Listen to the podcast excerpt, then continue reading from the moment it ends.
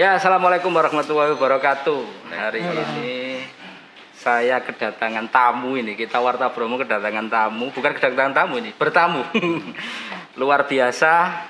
Ada dua sosok yang tokoh, pemimpin, yang dua-duanya merupakan kebanggaan dari warga Pasuruan Kabupaten dan Kota. Luar biasa. Terima kasih.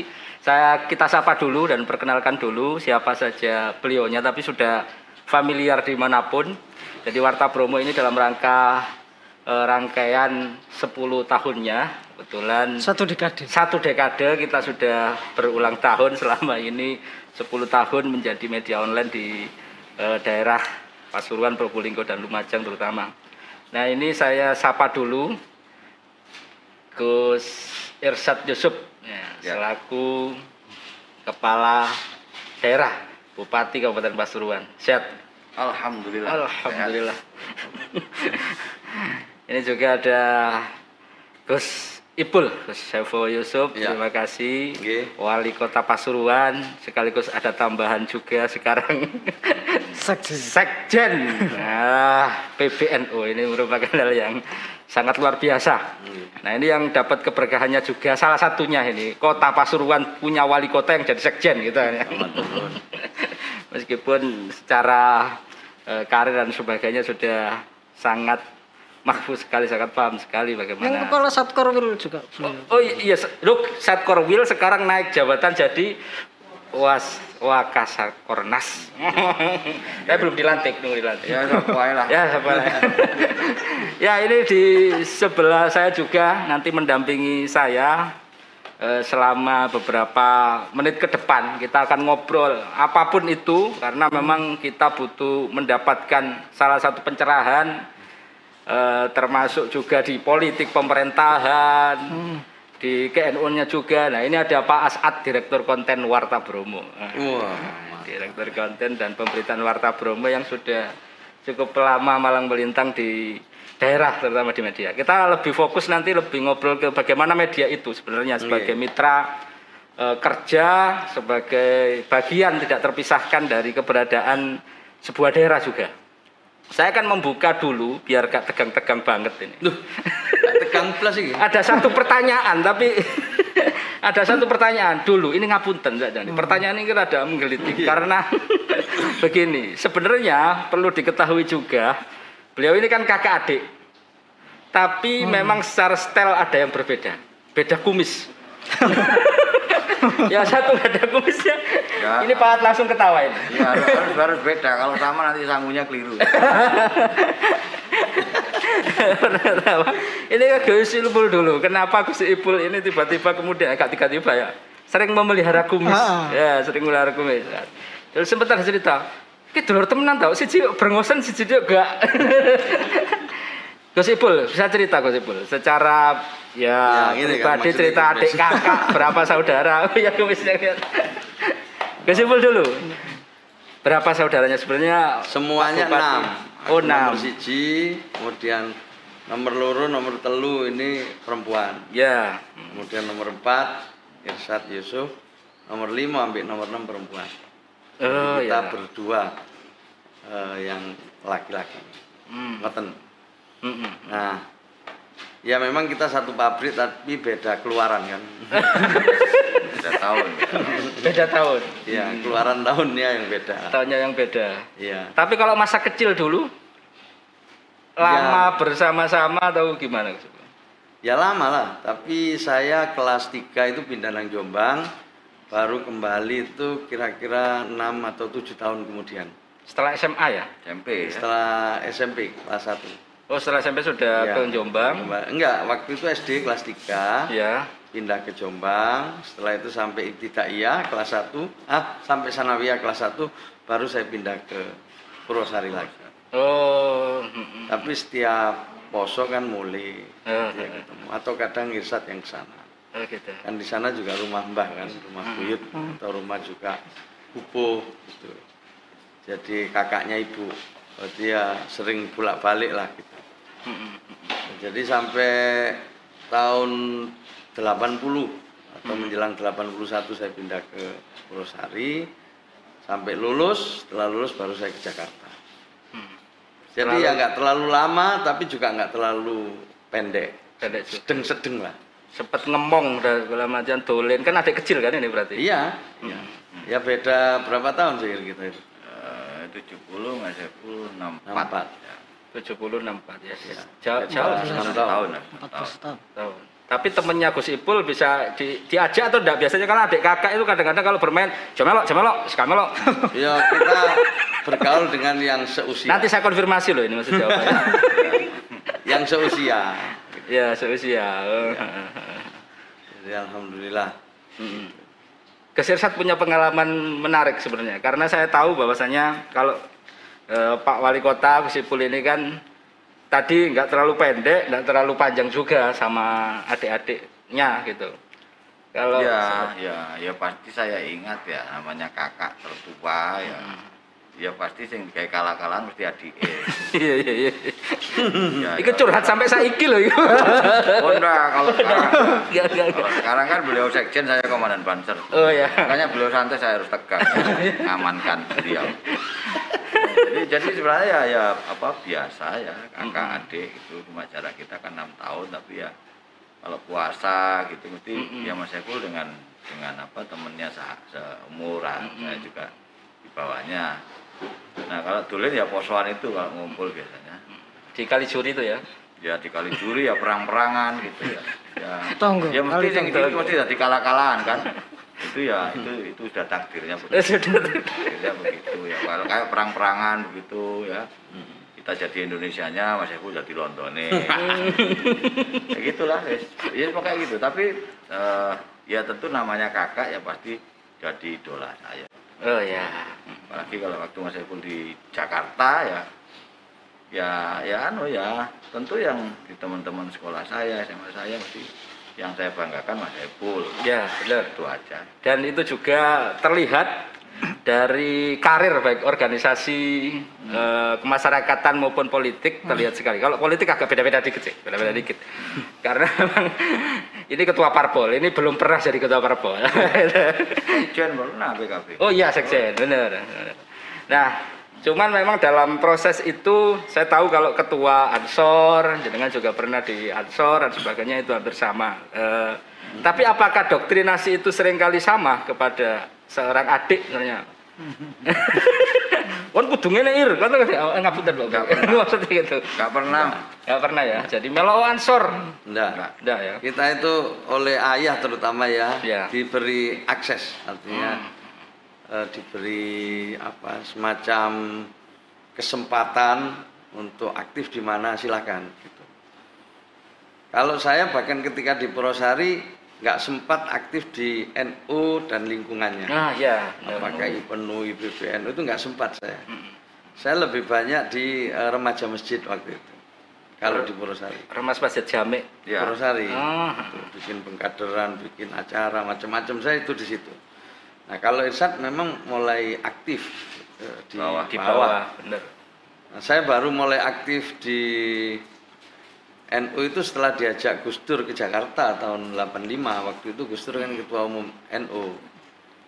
Di situlah saya sering, sering datang ke PBNU pada saat mengantar Gus Dur, makin lama makin lama akhirnya sampai aktif di IPNU, setelah IPNU saya di Ansor mulai dari wakil sekjen sampai PJS ketum sampai ketum. Setelah itu baru saya ke PBNU dua periode terakhir ini menjadi salah satu ketua. Nah, pada periode ini saya ada eh, diberi mandat oleh Gus Yahya Ya. untuk menjadi sekjen mendampingi beliau. Itu aja. Jadi Ya. saya baru mulai aktif eh, betul di lingkungan Nahdlatul Ulama itu ya sejak diajak Gus Dur ke Jakarta tahun 85. Jadi Tapi ayah saya sendiri itu kan aktif di Nahdlatul Ulama sampai di tingkat cabang. Beliau menjadi salah satu wakil ketua. ya Ya. Nah, jadi saya sendiri yang nggak sempat di Purwosari itu, Ya. sempatnya di Jakarta. Ya, dan ya ini memang cerita, jadi memang sesuatu yang sangat menarik dari dua sosok beliaunya ini. Kalau Gus Ipul memang lebih dari pusat. tren langsung ada di pusat. Ya. dan semua karirnya juga hampir sama dengan Pak Bupati. Maksudnya pernah IPENU pernah Ansor Ya. dan sebagainya. Sekarang malah di PBNU dan sebagainya. Tapi ada di atas ya. Di pusat. Kalau Pak Bupati? Dari bawah saya mulai dari itu. Eh, sebenarnya ayah juga memberikan kesempatan. Artinya ya eh, ya kayak Mas Saiful ya kita nggak bisa keluar dari eh, organis apa ke jamiah Nahdlatul Ulama saya di Purwosari dulu ya nggak ada yang nyuruh nggak ada yang ya mesti kumpulnya dengan anak-anak dari NU Mas Saiful juga nggak pernah ngarahkan saya "Awakmu melok iki ya ini ya mengalir begitu saja Nah, cuma kalau beliau itu dari pusat, saya di bawahnya pusat. Jadi saya dari bawah, dari rantai, Iya. dari PAD sampai PD. ya. Jadi Beliau- memang yang IPENU ya semua itu kan struktural ya. Ya Majelis taklim, pengajian, majelis sholawat itu kan kekuatan kultural NU. Gitu. ya. Ini di sini kulturalnya. Nah itu kan eh, sebenarnya juga bagian dari proses pengkaderan. Gitu. Nah memang eh, cara untuk aktif di NU itu kan macam-macam, tinggal memilih saja. Hmm. Nah, kebetulan ayah kami itu dulu eh, suka apa banyak undangan-undangan ya kita ikut. Hmm. Dijak melo, ya ngikuti aja nggak apa-apa. Bagian gue berkat. Itu bagian dari sosialisasi. Ya, ya mulai ini gue berkat. Ya. Jadi separuh badan saya ini sebenarnya hasil berkat. Gus hal apa yang paling diingat sewaktu kecil atau remaja dengan Gus Irsad atau Gus Irsad Oh, kenangan paling paling nakal aja atau nakal. ada bandilnya nggak waktu itu gitu? Biasa kan kadang ya, seusia usia enam gitu tahun kan ya ada. ada yang ketemu ada yang nggak ketemu. Misalnya podo-podo seneng bal-balane tapi kan beda era. beda klub, beda era. Oh, beda era. Podo-podo seneng kalau bal-balane. Gus Irsad mungkin gapal makal jadi kan dulu belum gapal mah berarti ya Belum. Bangladesh. Bangladesh. Bangsane bangsane Lamongan desa. ini lamongan ini Oh, Bangladesh juga. Lamongan. Bangladesh. Eh, ya. Ya dulu masih lebih ini lagi. Hmm.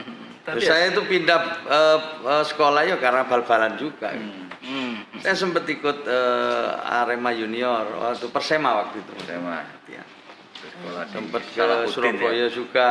Ya, cuma lihat-lihat aja. Hmm. Karena saya punya temen itu pemain yang bagus ya, Ubaidillah itu. oh ya Itu seangkatan saya itu lumayan itu dulu. Dia melok latihan nang Surabaya, melok latihan nang Malang, aku melok-melok tok ae. oh nggak ikut SSB-nya situ Nggak sempet, cuma ikut-ikut melok delok-delok ae.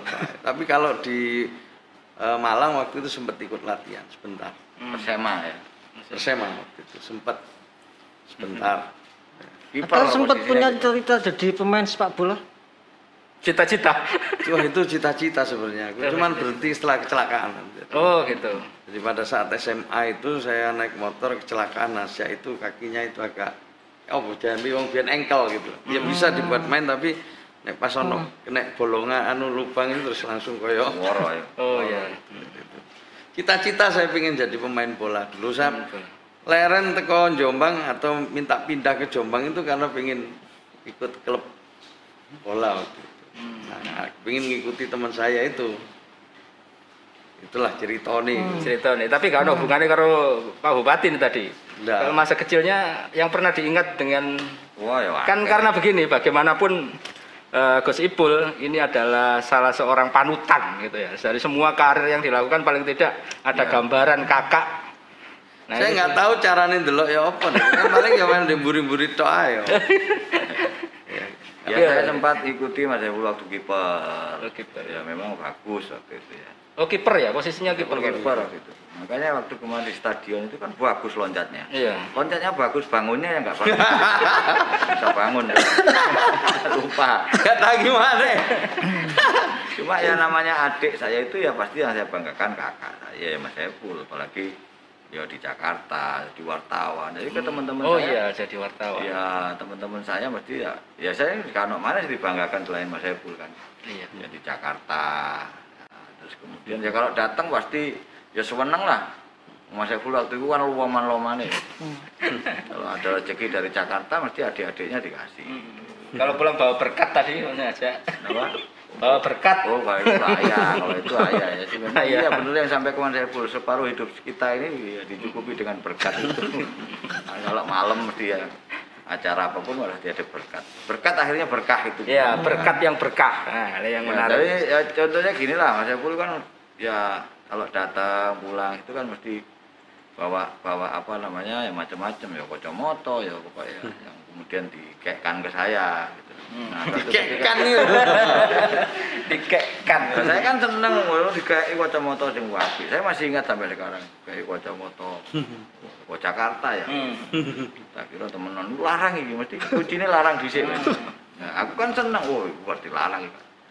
Kacamata tak bawa, tak ganti kacanya tak bawa ke optik Malang. Barang ditandakno podol gitu. Mas Epul bilangnya, oh itu ke luar negeri pokoknya. Keluar luar negeri, tak tandakno kok podol gitu. Itu, Ini larang iki mbak, tak warang kok bisa podol. Tak takono nama saya Epul digoro ya, aku bayar harganya berapa mas? Seribu. Itu deloan. ya itu ya aku dia ya, karena saking bangganya ya kira ke luar negeri itu menang ya contohnya seperti itu Ya, karena saya pengen dikasih oleh-oleh lah. Ya, betul, kan. betul, betul, betul. Sak kuat-kuatnya ngono ya. ya ngomongnya jadi ke luar negeri kan Jakarta ya oh iya ke luar negeri kan Ya mungkin awalnya itu ke luar negeri. Ya gak salah juga. itu kan barang bekas. iya ya karena barang bekas ya tahuannya artinya tahuannya artinya ya itulah. Tapi terus terang ya eh, tapi Mas Epul nggak pernah kemudian awakmu dadi iki dadi iki nggak pernah. Oh, gak pernah ya. Ya, saya mengalir aja berorganisasi mengalir. Tapi beliau eh, konsultan saya. Apalagi kalau sudah ayah sudah wafat apa pun saya konsultasi ke beliau. Terutama langkah-langkah politik ya soal pilkada kemarin soal DPR saya jadi anggota DPR Mas Saiful jadi menteri. Iya. Iya, Menteri PPDT ya. Iya. saya jadi anggota DPR Mas Saiful jadi menteri. Tapi langkah-langkah politik saya konsultasikan ke Mas Saiful. Ya. Hmm. tapi ya sebatas konsultasi ya tapi hitungan dewi Mas Saiful nggak pernah. Awakmu kudu ngene awakmu nggak Hmm. pernah nggak pernah. Harus Tapi- ikut iki, harus masuk ini ya. Tapi kayak kasih alternatif ini ngene ngene ngene. Ya awakmu dewe saiki. Termasuk jadi bupati. Jadi bupati ya hitungan dhisik. Ya, pernah Mas. mesti itu hitungan dhisik. Gak gampang jadi bupati. Mm-mm. Hitungan dhisik hitungan dhisik itu ya dihitung tanya sampai mana jalan dulu nanti kita lihat itu Mas Saiful arahnya itu ya Nah, memang ya guru politik saya ya Mas Saiful tapi Mas Saiful nggak pernah awakmu kudu melok PKB awakmu kudu nggak pernah Hmm. jadi saya mengalir saja yang pada akhirnya makanya di si anakku jadi bupati nih daripada wali Iya. kota. Paling kalau ada pertanyaan, tenang, gampang jadi wali kota. Iya enggak beda lah. Iya, ya. Karena eh, apa namanya saya masih ingat kata-katanya Mas Saiful itu ya yang dicari kemanfaatan aja di mana pun. Iya. Saya kira jadi sekjen juga bukan bukan apa karena kemaruk atau karena Iya. kepingin jabatan. enggak. Ya karena kita ingin memberikan manfaat. Jadi jadi wali kota juga begitu ya. Setelah jadi wakil gubernur kok jadi wali kota. Saya sempat tanya waktu itu, apa sih mas yang digoleki? Ya baik aku lebih manfaat jadi wali kota. Ya. Kan gitu kan. Hmm. Ya. Ingin membumi katanya. Ingin membumi. Gue membumi. Biar membumi. Ya, mungkin ada pertanyaan yang menarik tadi. Kan salah satu yang sering jadi kutip eh, kita misalnya kaitannya dengan sosok Gus Ipul. Gus Ipul yang juga mantan wartawan, gitu kan biasanya. Nah, ini ada cerita karena ini juga sama ini eh, Gus Ipul sama Gus Irsat ini. Gus Irsat juga pernah jadi wartawan, melon teko. Tabloid yang dulu pernah dirintis sama Gus Ipul. Nah, ini cerita dikit lah, saya juga nggak tahu, tapi kok pernah jadi wartawan gitu katakan. Nah, ini kebetulan ulang tahun media kita juga ini ceritanya. Pernah ya? Iya, itu mungkin lek numpak perahu ngono ombak yang membawa ke sana. Ibarat iki numpak perahu nu membawa ombak membawa ke sana. Iya. ya, guru saya pertama tentu ayah saya, guru politik. ayah saya itu ASN tapi eh, beliau punya sikap politik gitu. Yang itu menjadi pembelajaran buat saya. Iya. Meskipun waktu itu ASN itu harus Golkar dan Hmm. bahkan dipaksa Golkar. Tapi ayah saya itu punya sikap yang tidak selalu sama dengan Golkar. Itu kira-kira gitu. Ya, ya. Saya tak jelas no tuh Jadi kalau dulu itu semua ASN wajib Golkar, kalau nggak Golkar ya leren atau karirnya nggak akan bisa jalan. Eh, saya seorang guru agama pegawai negeri ya di SMP, di SD sampai akhir hayat itu atau sampai pensiun kemudian tiga tahun kemudian